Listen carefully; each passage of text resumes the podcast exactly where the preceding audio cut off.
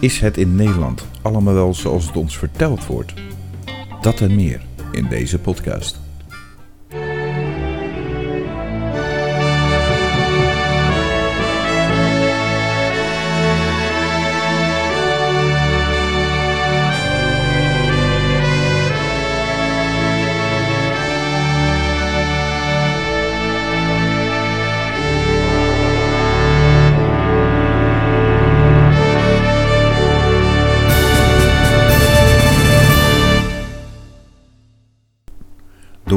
Wat ons verteld wordt en wat we zien wat er gebeurt, kunnen we een paar conclusies trekken. Deze zijn natuurlijk onjuist. Maar de conclusies die we dan zouden kunnen trekken is: de elektriciteit in Nederland wordt opgewekt door middel van gas. En corona, daar hoef je overdag niet bang voor te zijn. Die is er alleen s'nachts. De griep, nee, die is er niet meer. Die is al lang al weg. Want we hebben alleen nog maar corona. En dan hebben we ook nog warmte. Ja, warmte wat we thuis krijgen middels stadsverwarming. Dat wordt allemaal opgewekt, ook via gas. En Formule 1 auto's, die stoten niets uit. Ze hebben wel fossiele brandstoffen, maar die stoten voor de rest niets uit. En discriminatie is toegestaan in Nederland. Jazeker, dat mag allemaal. En de boeren, ja, die hebben eigenlijk de schuld van alles. Alles wat verkeerd gaat aan milieu en dat soort dingen, is allemaal de schuld van boeren. En zo kan ik nog meer van dit soort conclusies trekken, die eigenlijk nergens op slaan. En waarom ik dit zo naar voren breng, nou dat ga ik je vertellen. Laten we eens met dat laatste beginnen. Het laatste wat ik zei over de boeren. Ja, die hebben de schuld van alles toch? Want de veestapel moet inkrimpen. Want ja, te veel broeikasgassen. En dat is natuurlijk de schuld van de boeren. Uh, want de boeren, ja, die, die, die weten niet waar ze mee bezig zijn. Die, die hebben zo ontzettend veel stikstofuitstoot en CO2-uitstoot. En uh, nou, wat kunnen we nog meer verzinnen? Want van alle cijfers die gepubliceerd worden, en als ik dan luister naar debatten van de Tweede Kamer, ja, dan, dan hoor je toch duidelijk dat de boeren het probleem zijn. Niet het vliegverkeer, niet de auto's, niet, weet ik het wat, niet Formule 1, waar men dus gewoon doelloos rondjes rijdt alleen om te kijken wie er het snelst is. Nou, dat kan ik jou vast meegeven. Dat zijn een van de drie auto's die als eerste gestart zijn. Later de keer de vierde zijn. Nou, poeh, wauw, wat heb je eraan? Niets, maar er wordt wel fossiele brandstof gebruikt. Maar Cor, heb jij het nou serieus over fossiele brandstoffen? Ben jij nou iemand die ineens heel erg into uh, vergroenen bent? Nou, nee. maar ja, als het dan toch allemaal zo naar voren komt. Kijk, laat ik één ding heel duidelijk stellen.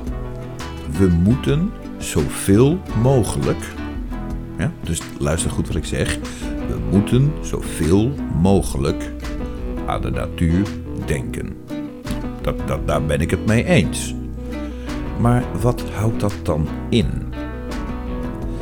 Nou, we hebben in Nederland hebben wij. Uh, nou, behoorlijk percentage opgespoten met zand uit de zee. Um, Nederland is eigenlijk maar erg klein. En alles wat we erbij gehaald hebben, dat bestond in eerste instantie toch al niet. En wat hebben wij in Nederland nou aan natuur? Nou ja, we hebben wel wat bossen en wat heide en... Oh, wacht even. Hebben wij vanuit de natuur heide? Volgens mij hebben wij in Nederland heide omdat de overheid dat zo graag wilde. En zijn er zelfs bossen voor gekapt om heide daar te gaan hebben. Dus volgens mij is het allemaal man-made. Door mensen gemaakt. Um, Moeten wij dat dan heel heftig gaan beschermen? Ja, biodiversiteit. Biodiversiteit. Oké. Maar biodiversiteit krijg je echt niet alleen maar door die droge oppervlaktes genaamd heide. Want eigenlijk is dat gewoon voedingsarme bodem. Dus er zit zo weinig voeding in dat het enige wat je daar nog maar neer kan zetten is heide. Oké. Dus de overheid heeft bossen gekapt in het verleden.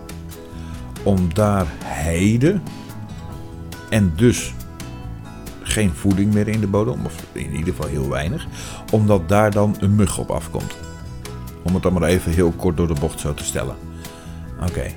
Maar die muggen die komen ook af op rottende bladeren. En de mug komt ook af op sloten en nou, et cetera. Dus die muggen die komen er echt wel. Ja, welke biodiversiteit hebben we het dan over? Bijen. Oké, bijen die hebben bloemetjes nodig om... Ja, maar bloemetjes heb je dan eigenlijk weer niet zoveel in de bossen. En over Nederland gesproken, bossen. Wat wij hier noemen bossen, dat noemen ze in de grotere landen, al dan niet Duitsland, al dan niet Zweden, al dan niet Amerika, al dan niet uh, Rusland. Dan ga je allemaal nog groter. Maar laten we het überhaupt al over Duitsland en Zweden hebben. Die noemen dat een park. Wij hebben hier geen bossen. Een bos, dat is veel groter. Dit zijn gewoon parken. Goed, maar we willen wel groen hebben en we willen dat allemaal wel netjes hebben. Oké. Maar ga dan niet praten over biodiversiteit. Want de bossen die we hadden, die hebben we omgekapt om daar heide uh, naar voren te krijgen. Oké. En daar willen ze nu dan een bescherming op hebben. Dat heeft helemaal niets meer met biodiversiteit te maken. Dat heeft te maken met, we hebben ooit geïnvesteerd, dat heeft een paar miljard gekost. En daar willen we niet dat er boompjes teruggroeien. Dat is eigenlijk gewoon puur wat het is. En ja, CO2, is dat dan wel handig? Nou ja, even denken hoor. We zijn zelfs in de parkjes die we hebben, wat we bossen noemen, zijn we al bomen aan het weghalen voor de biomassa-centrales. Ja, want eh, fossiele brandstof dat is slecht voor het milieu. Daar heb je uitstoot. Dat heb je als je hout verbrandt, heb je dat natuurlijk niet. Nee, toch? Ja, volgens mij wel. En volgens mij heb je dan nog meer fijnstof ook. Oh, ja. Hmm. Maar over verbranden gesproken, dat doe je om elektriciteit op te wekken. Maar daarnet had je nog een conclusie, die niet klopt, dat weet ik. Dat Nederland elektriciteit opwekt door middel van gas. Nou, dat zit zo. Als de gasprijs ontzettend hard stijgt. Wat logisch is, je gaat stoppen met de Nederlandse gaswinning. Waar ik twee dingen van vind. Eén, we hebben dat gas nodig. Het zit in de grond. Waarom zou je het niet uh, pakken? Want ja, we hebben het nodig. En daarbij komt ook nog eens een keer. Op het moment dat jij het gas laat zitten, dan heb je dus letterlijk mensen die wonen op een gasbel. Nou, als ik ergens woon en ik weet dat er gas onder de grond zit, dat dus eigenlijk gewoon hè, vrij gecomprimeerd is, dat begrijp ik.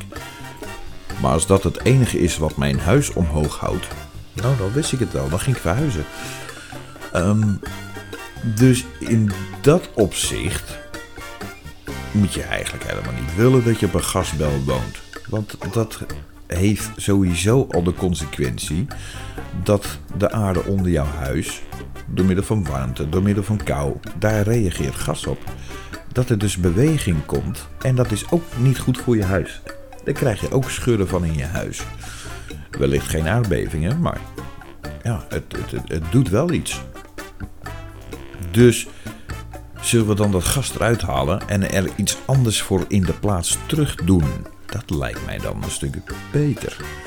Uh, ja, maar wat dan? Kijk, en dat is dan weer het verhaal dat ik zeg: oké, ja, dat weet ik ook niet. Uh, gaan we water doen? Nee, want dan spoelt uiteindelijk alles weg. Ah, ja, dat is ook niet handig. Of dan zakt het in elkaar omdat te veel water ervoor zorgt dat het allemaal uh, van binnenuit blubberen wordt. ehm, moeten we dan een andere gas, CO2 bijvoorbeeld, erin pompen? Ja, maar dan zit je toch weer met een, een, een gecomprimeerde gas. Hmm, ook niet handig. Dus ja, ik heb daar zeker over nagedacht. Dat ik denk, ja, maar wat ga je dan terug doen? Nou ja, ehm, je kan CO2 opvangen en hier een solide deel van maken. Maar ja, dan krijg je allemaal kleine solide delen. Dan gaat het heel lang duren voordat je dat opgevuld hebt. Ja, dat is ook wel weer zo. En dat gaat niet in dezelfde ratio als hoe snel het gas eruit gaat. Dus ja, we moeten iets verzinnen. Maar wat? Nou goed. Um, ik zeg altijd, ik ben maar een simpel mens die af en toe een podcast maakt, die een chauffeur is en die het leuk vindt om een beetje muziek te maken. Uh, af en toe nog wat sloopwerken en grondwerken erbij doet en dat was het. dus ja, wat voor verstand heb ik daar nou van? ik ben geen wetenschapper.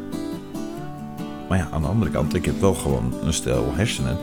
En die kan ik wel tot logisch gebruiken. Dus ja, ik denk daar wel eens over na van, hè, wat zou dan een alternatief zijn? Nou, ik ben benieuwd of iemand anders daar een alternatief op heeft. En dit ook eens naar de Tweede Kamer zou willen suggereren. En ventileren. Dat is eigenlijk het woord wat ik zocht. maar ja, ventileren en de, de suggestie ventileren naar de Tweede Kamer. Zo, dankjewel. Nee, top. Ehm, maar hoe kom ik dan weer met dat gas dat we daar elektriciteit mee opwekken. Nou, dan gaan we weer even terug naar dat dingetje. Het is echt een hak op de tak vandaag, hè? Geeft niets. Ehm, nou, dat heeft alles te maken met als de gasprijs stijgt, stijgt de elektriciteitsrekening ook. Maar die staan toch los van elkaar? Dat kan toch niet? Je kan toch niet uh, als je elektriciteit opwekt met onder andere kernenergie en biomassa en, en zon wind en noem maar op. Dat heeft dan toch niets met gas te maken. Dus hoe kan het dan zijn dat de elektriciteitsrekening gewoon sky high gaat, terwijl dat eh, dit zou moeten komen door de gasprijs? Dat, dat kan niet. En dan nog even een ander dingetje. Ook gas. Een ander dingetje, ook gas. Hoe dan, Cor? Nou ja, dat ga ik je uitleggen. LPG. LPG, ja. Liquid petrol gas, LPG. Tenminste, ik heb altijd begrepen dat het liquid petrol gas was. Ehm, dat heeft niets te maken met gaswinning in Groningen. Dat heeft niets te maken met gaswinning elders in de wereld. Want, voor zover ik het begrepen heb, en ik kan er volledig naast zitten, dus laat het maar alsjeblieft weten. Volgens mij wordt LPG gewonnen uit het proces van het maken van brandstof. En brandstof maak je door middel van crude oil. ruwe olie. Dus ruwe olie, dat gaat dan de toren in, dat wordt verhit, daar komen meerdere andere stoffen uit vrij. Nou, en dan is het maar net vanaf welk moment je het afvangt. Dan heb je diesel, dan heb je uh, benzine, benziel heet dat dan volgens mij. Nou goed, maakt Dan heb je nog uh, kerosine. Dan heb je nog, nou goed, en uiteindelijk heb je dan, voor zover ik het begrepen heb, bovenaan de toren komt dan nog LPG uit. Nou, dat kunnen we dus ook heel netjes gebruiken. Dus het heeft niets te maken met de gaswinning. Oké, maar waarom is dat dan zo duur? En waarom zijn die brandstoffen nu sky high? Ik bedoel, dat heeft niets, maar dan ook niets te maken met de gaswinning. Oké, en dan de, de conclusie die ik stelde. Corona is er alleen in de avond. Hè? Overdag hoef je er niet bang voor te zijn. Nou, dat heeft te maken met het feit, als we gaan kijken naar de coronamaatregelen die op dit moment nog gelden, en dit is opgenomen op 1 november. En ik kan jou vertellen, op het moment dat de maatregelen zijn dat je om 12 uur je café moet sluiten, dan, of je discotheek of weet ik het wat, dan ga ik mij toch afvragen waarom. Want hebben we dan uh, de corona die s'avonds gevaarlijker is? Ik bedoel, ja, ik bedoel, dan kan je ook niet meer rustig slapen. Zeker niet als je een gezinnetje hebt. Ik bedoel, de coronavirusdeeltjes, uh, ja, die, die, die, die, kunnen natuurlijk zo uh, een, een, een opstand beginnen. Dus die lopen ineens van jouw kind zo naar jou toe. En dan gaan ze je lichaam in en het is heel eng allemaal. Dat gebeurt alleen s'nachts. Ja, toch? Want anders dan mogen die cafés toch ook wel gewoon open blijven?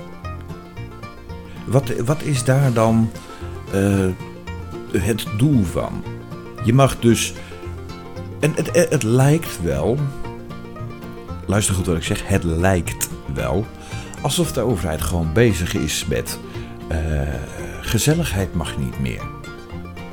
Want de cultuursector, hè, dus optredens en alles, het mag maar beperkt. Het mag maar 75% en eerst mocht het helemaal niet. Alles ging open behalve dat. Dus ja, dat mag niet. Dus gezelligheid mag niet. En um, als je het dan gezellig hebt, ja, maar wel op tijd naar bed hoor. Uh, want uh, het, het, is zo raar.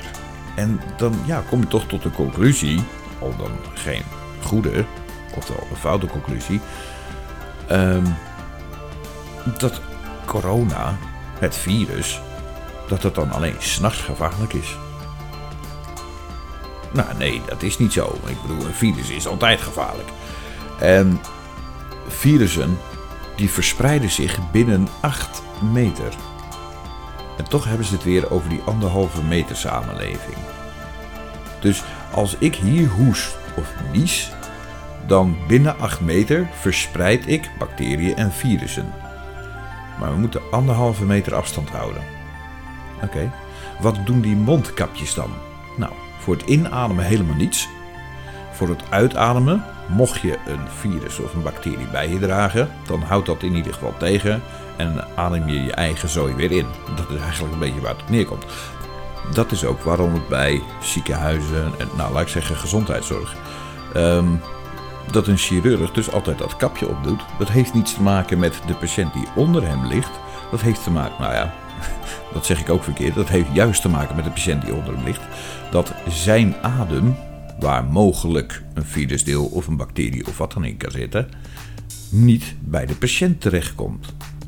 Maar het heeft niets, maar dan ook niets te maken met het feit dat hij van de patiënt niets in zou ademen. Nee, want daar heb je dus letterlijk een gasmasker voor nodig. Nou, ik zie mij heel weinig mensen en eigenlijk het beste nog ademlucht. Ademlucht? Wat is ademlucht? ik bedoel, ademlucht, dat hebben we toch om ons heen? Ja.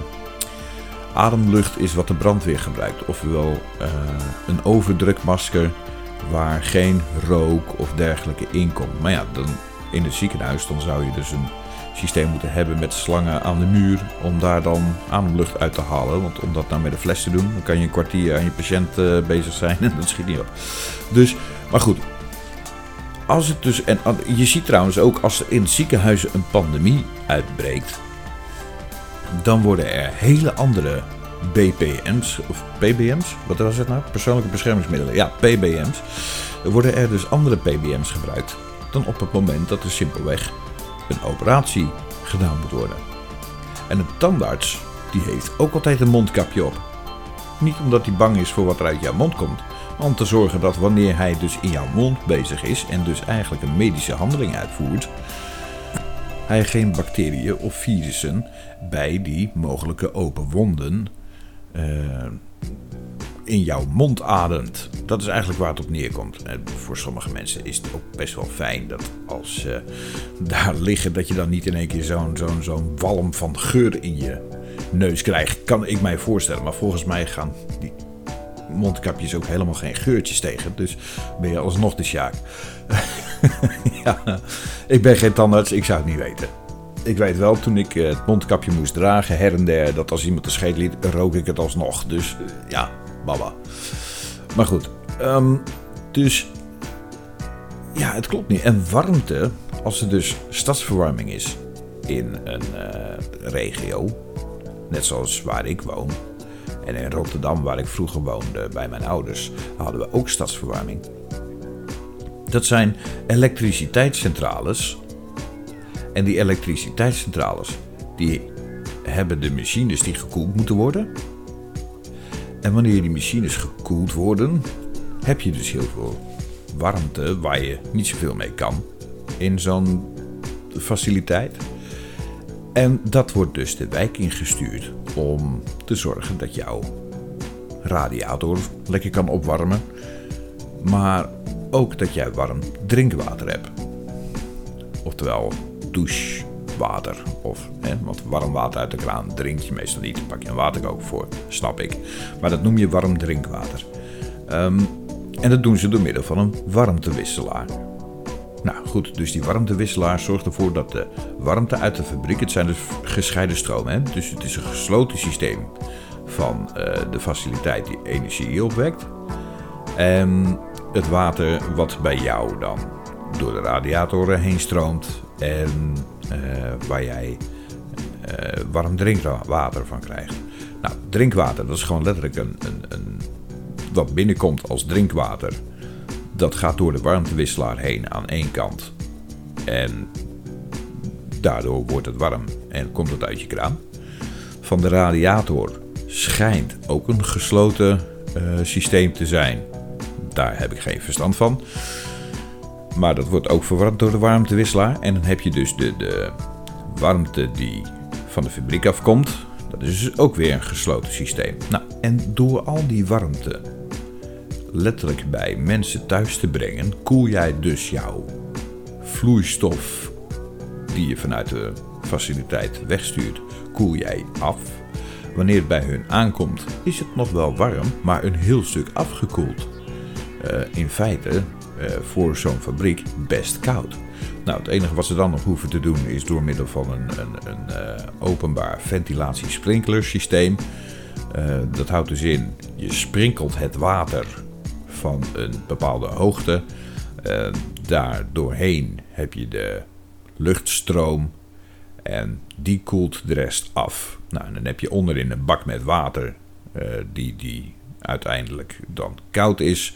En dat kan je nou weer gebruiken om je machines mee af te koelen. Want die machines moeten wel afgekoeld worden. En het bijproduct is dus warmte. Maar warmte wordt ook ontzettend duur. Nou, weet je wat, laten we over dit stukje ophouden. Dan gaan we het hebben over gezondheid en gezondheidskosten. Oké, gezondheidskosten. Top. Um, hoe vaak gaat de gemiddelde Nederlander naar het ziekenhuis? Hm. Uh, nou, niet zo vaak. Liefst niet. Oké. Maar je betaalt wel elke maand ziektekostenverzekering. Ja, maar de zorg is duurder geworden. Goh, hoe kan dat? Nou ja, nu dan door de corona, dus we gaan het maar weer omhoog brengen.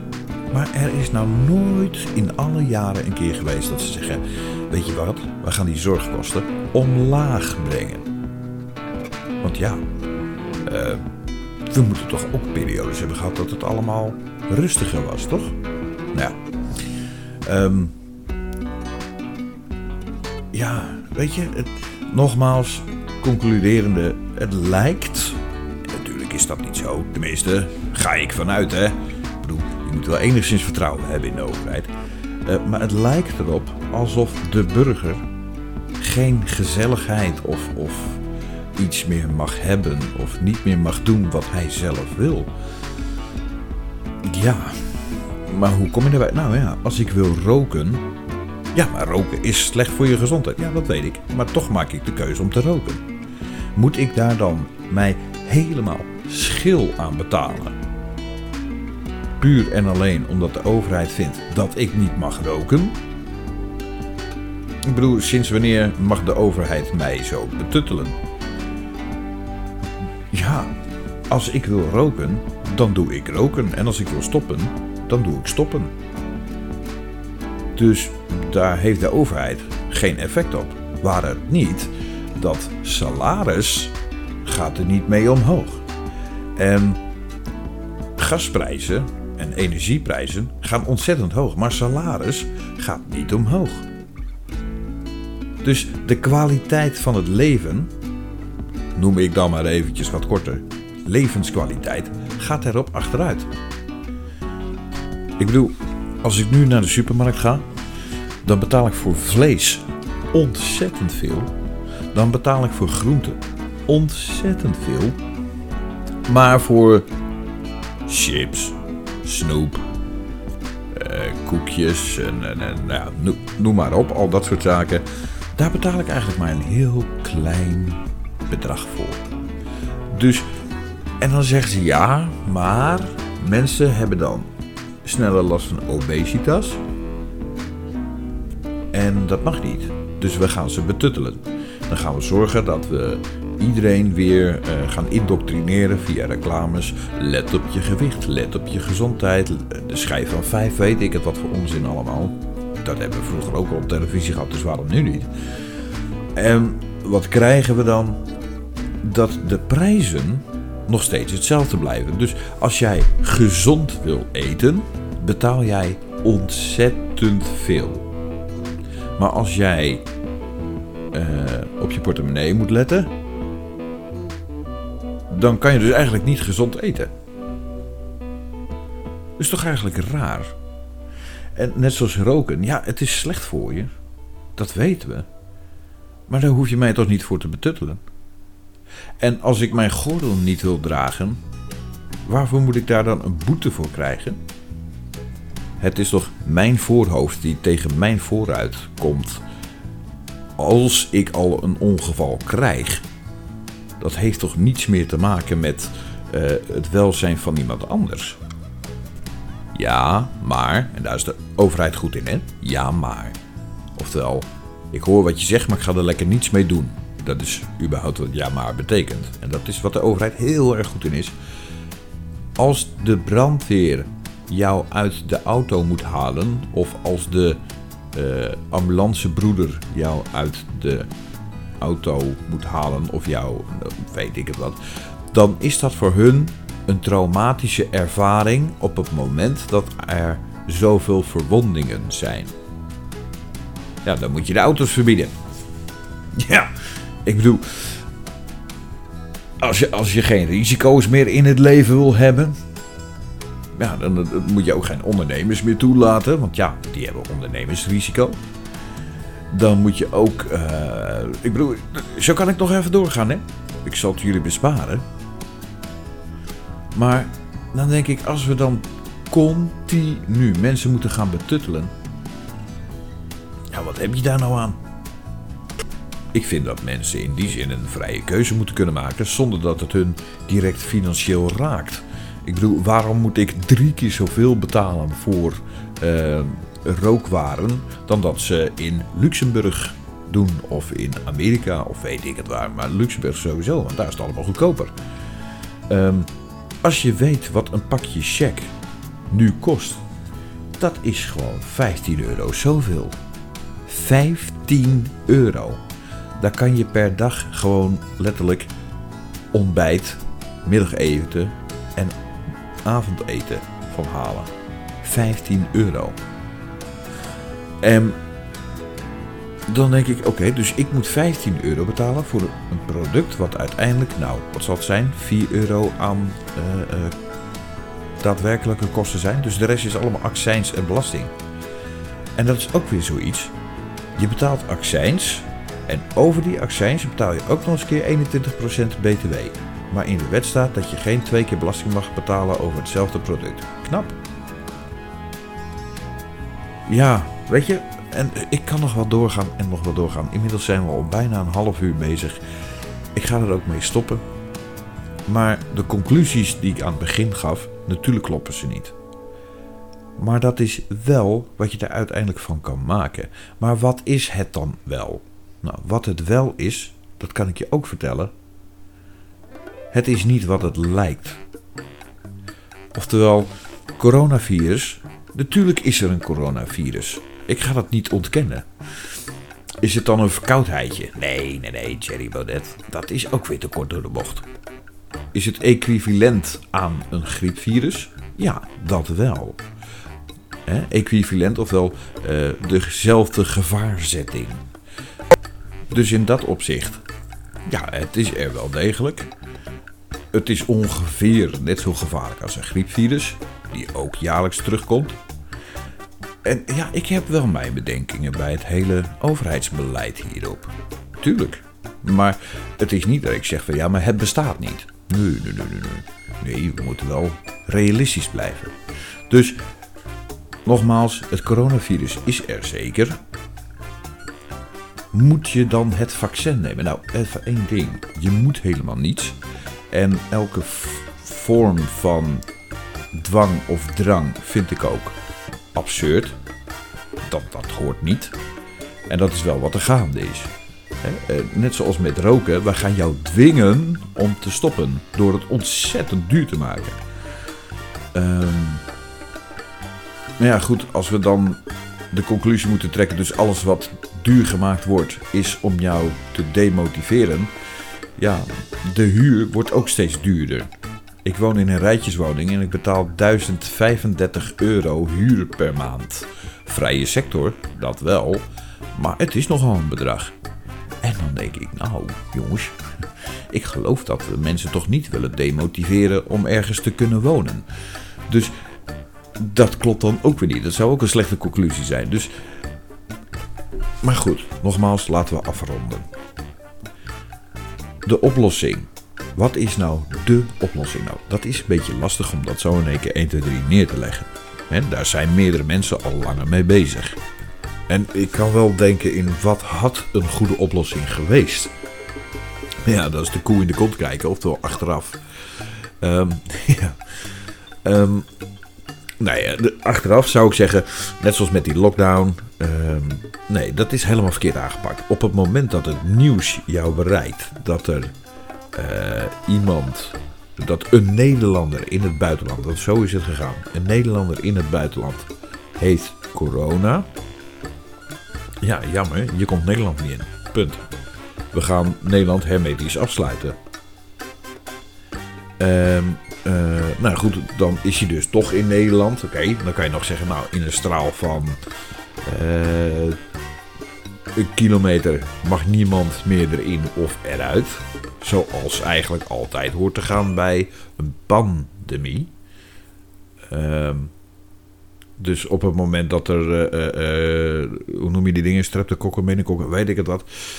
Als dat uitbreekt in een ziekenhuis, dan wordt alles hermetisch afgesloten. En iemand die op die afdeling loopt, die komt er niet af totdat hij getest is. En zeker te weten niets kan overdragen.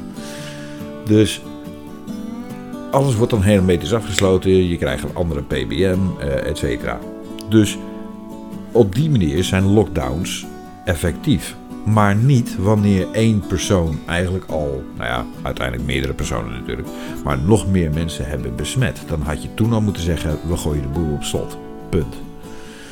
Um, dus, en er moet gewoon een heel groot onderzoek komen naar waar komt het nu vandaan? Wat is nu de daadwerkelijke oorzaak? Daar heb ik mijn bedenkingen over. Wil niet zeggen dat corona niet bestaat, maar ik heb wel mijn bedenkingen over waar het vandaan komt. Um, maar goed, wat is nu dus de oplossing? Wat is de oplossing voor alle vraagstukken waar de politiek, maar ook de burgers zich mee bezighouden? Nou, Zwarte Piet, daar heb ik me al over uitgelaten in een andere podcast. Namelijk, Zwarte Piet kan gewoon bestaan. Zwarte Piet is een hulpje van Sinterklaas. En een hulpje noem je knecht, dus daar is niets raars aan. Het is een betaalde baan. En die delen de cadeautjes uit, want Sinterklaas kan het nooit alleen. Nou, punt. Daar is nog nooit iets mee bedoeld. En toch wordt het erachter gezocht. Dus Zwarte Piet moet gewoon kunnen bestaan. Dat even in het kort. Wil je daar wat meer over weten, verwijs ik naar andere podcasts van mij. Um, corona. Ja, ja, hoe moeten we nu verder? Nou, gewoon alles en iedereen lekker laten leven. En zelf met z'n allen rekening houden met mensen die een slechtere gezondheid hebben. Niet meer en niet minder. Um, vaccinatie? Nou, nee, ik vind deze vaccinatie vind ik uh, verwerpelijk. Laat ik het even zo zeggen. Bij mij komt het er in ieder geval niet in. Ja, maar dan mag je straks niet meer. hey, als ik straks niks meer mag, dan houdt het dus in dat ik gediscrimineerd word. En degene die mij discrimineert, die moet mij betalen. Dus ik zeg het alvast. En als dat de overheid is, dan moet de overheid zorgen dat ik in ieder geval nog recht op, een, eh, op genoeg levenskwaliteit heb. Dat zou dus betekenen dat zij een uitkering moeten gaan geven van een bedrag welke ik nu verdien met het werk wat ik heb. Dus, nou goed. Ehm, dus het gaat dus steeds meer geld kosten als zij dit beleid gaan voeren. Dus daar ben ik ook absoluut tegen. En sowieso het, uh, je bent niet gevaccineerd, dus je bent eigenlijk uh, minder waardig. Want dat is wel hoe ze het nu naar voren brengen. Hè? Ik heb geen enkel respect voor de ongevaccineerden. Dat is wat uh, de minister nog wel eens heeft gezegd. Of voor mensen die zich bewust niet laten vaccineren, zo was het. Um, nou goed, dan hoef jij geen respect voor mij te hebben. Maar ga er dan ook niet vanuit dat ik ook maar enige vorm van respect voor zo'n persoon heeft die dat op die manier uitspreekt. Um, het is mijn lijf, het is mijn keuze en ik doe daarmee wat ik wil. Net als met roken. Ja, um, nou, in het vraagstuk klimaat. Tuurlijk moeten we met z'n allen zorgen dat we ja, minder impact hebben op uh, deze aardkloot. In die zin met het uitstoot van gassen en het, het, vervuilen en noem maar op. Ik bedoel, als ik op de snelweg rijd, zie ik her en der gewoon plastic en, en, en blikjes en weet ik het wat. Ik denk van, je hebt het mee van huis weten te nemen. Breng het dan ook gewoon terug mee naar huis. Ik bedoel, het ligt in die auto, het ligt niet in de weg. Dus op het moment dat het in je auto ligt, uh, omdat je het van huis meeneemt en je eet dat koekje of dat snoepje op, of je drinkt dat blikje of dat flesje leeg. Uh, ja, ook als die leeg is, neemt hij net zoveel of nog minder ruimte in dan dat het deed toen het vol was. Dus waarom zou je het daar naar buiten moeten gooien? Ja, dat stukje vervuiling vind ik een beetje onbenullig. Hè, we willen schoon leven. Ja, nou, doe dat dan ook. Uh, nou, met betrekking tot autorijden, ja, beperken tot wat nodig is. Dus, dus als jij ver van de supermarkt af woont, ja goed, dan begrijp ik dat je een auto uh, gebruikt. Maar als jij uh, de supermarkt aan het einde van de straat hebt, ja jongens, loop dan of pak de fiets, maar laat die, die, die CO2-uitstoot, laat die dan maar even met rust. Dus natuurlijk moet je wel bewust zijn met wat je doet. Maar om nou alles en iedereen te gaan verbieden. Maar dat houdt dus ook in dat de overheid meer bewuste keuzes moet maken. Dus Formule 1 races, die gaan niet meer door, want die hebben geen doel. Ja, rondjes rijden, kijken wie de snelste is. Nou, poepoe, daar heb je niets aan. Maar het stoot wel CO2 uit. Weg ermee. Dakar Rally, uh, weg ermee. Het doet niets. Behalve de natuur daar naar de kloot te helpen. Door er doorheen te gaan rijden. Plus ook nog eens een keertje het feit de CO2-uitstoot. En niet te vergeten stikstof en bla bla bla. En zeker met diesels, want diesel, daar heb je AdBlue voor nodig. Althans, dat noemen wij in Europa noemen we dat AdBlue. En dat is gedemineraliseerd water met ureum erin. Dus je gaat de ureum door middel van uitlaatgassen verwarmen, waardoor je meer. Nou goed, moet ik het nog uitleggen ook? nou, oké, ik zal verder uitleggen voor de mensen die het niet begrijpen. Uh, ureum, dat is dus hetgene wat, uh, uh, wat we niet willen hebben. Dus ureum, dat is die ammoniakverbinding, die stikstofverbinding, wat ammoniak genoemd wordt. dat zit ook in je eigen urine trouwens.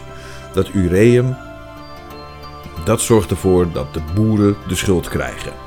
Want de boeren die hebben dan het ureum in de urine, dat komt bij de mest, dat wordt dan, uh, weet ik het, er gebeurt een proces waardoor het meer ammoniak wordt en dat is slecht voor de natuur. Dus ureum op zich is niet goed voor de natuur. Ja, onthoud dat. En vervolgens, wat doen wij dan?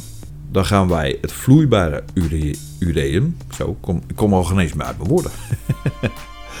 dan gaan we het vloeibare ureum van koeien daar gaan we dan heel erg heftig op reageren. Uh, slecht voor de natuur, bla bla.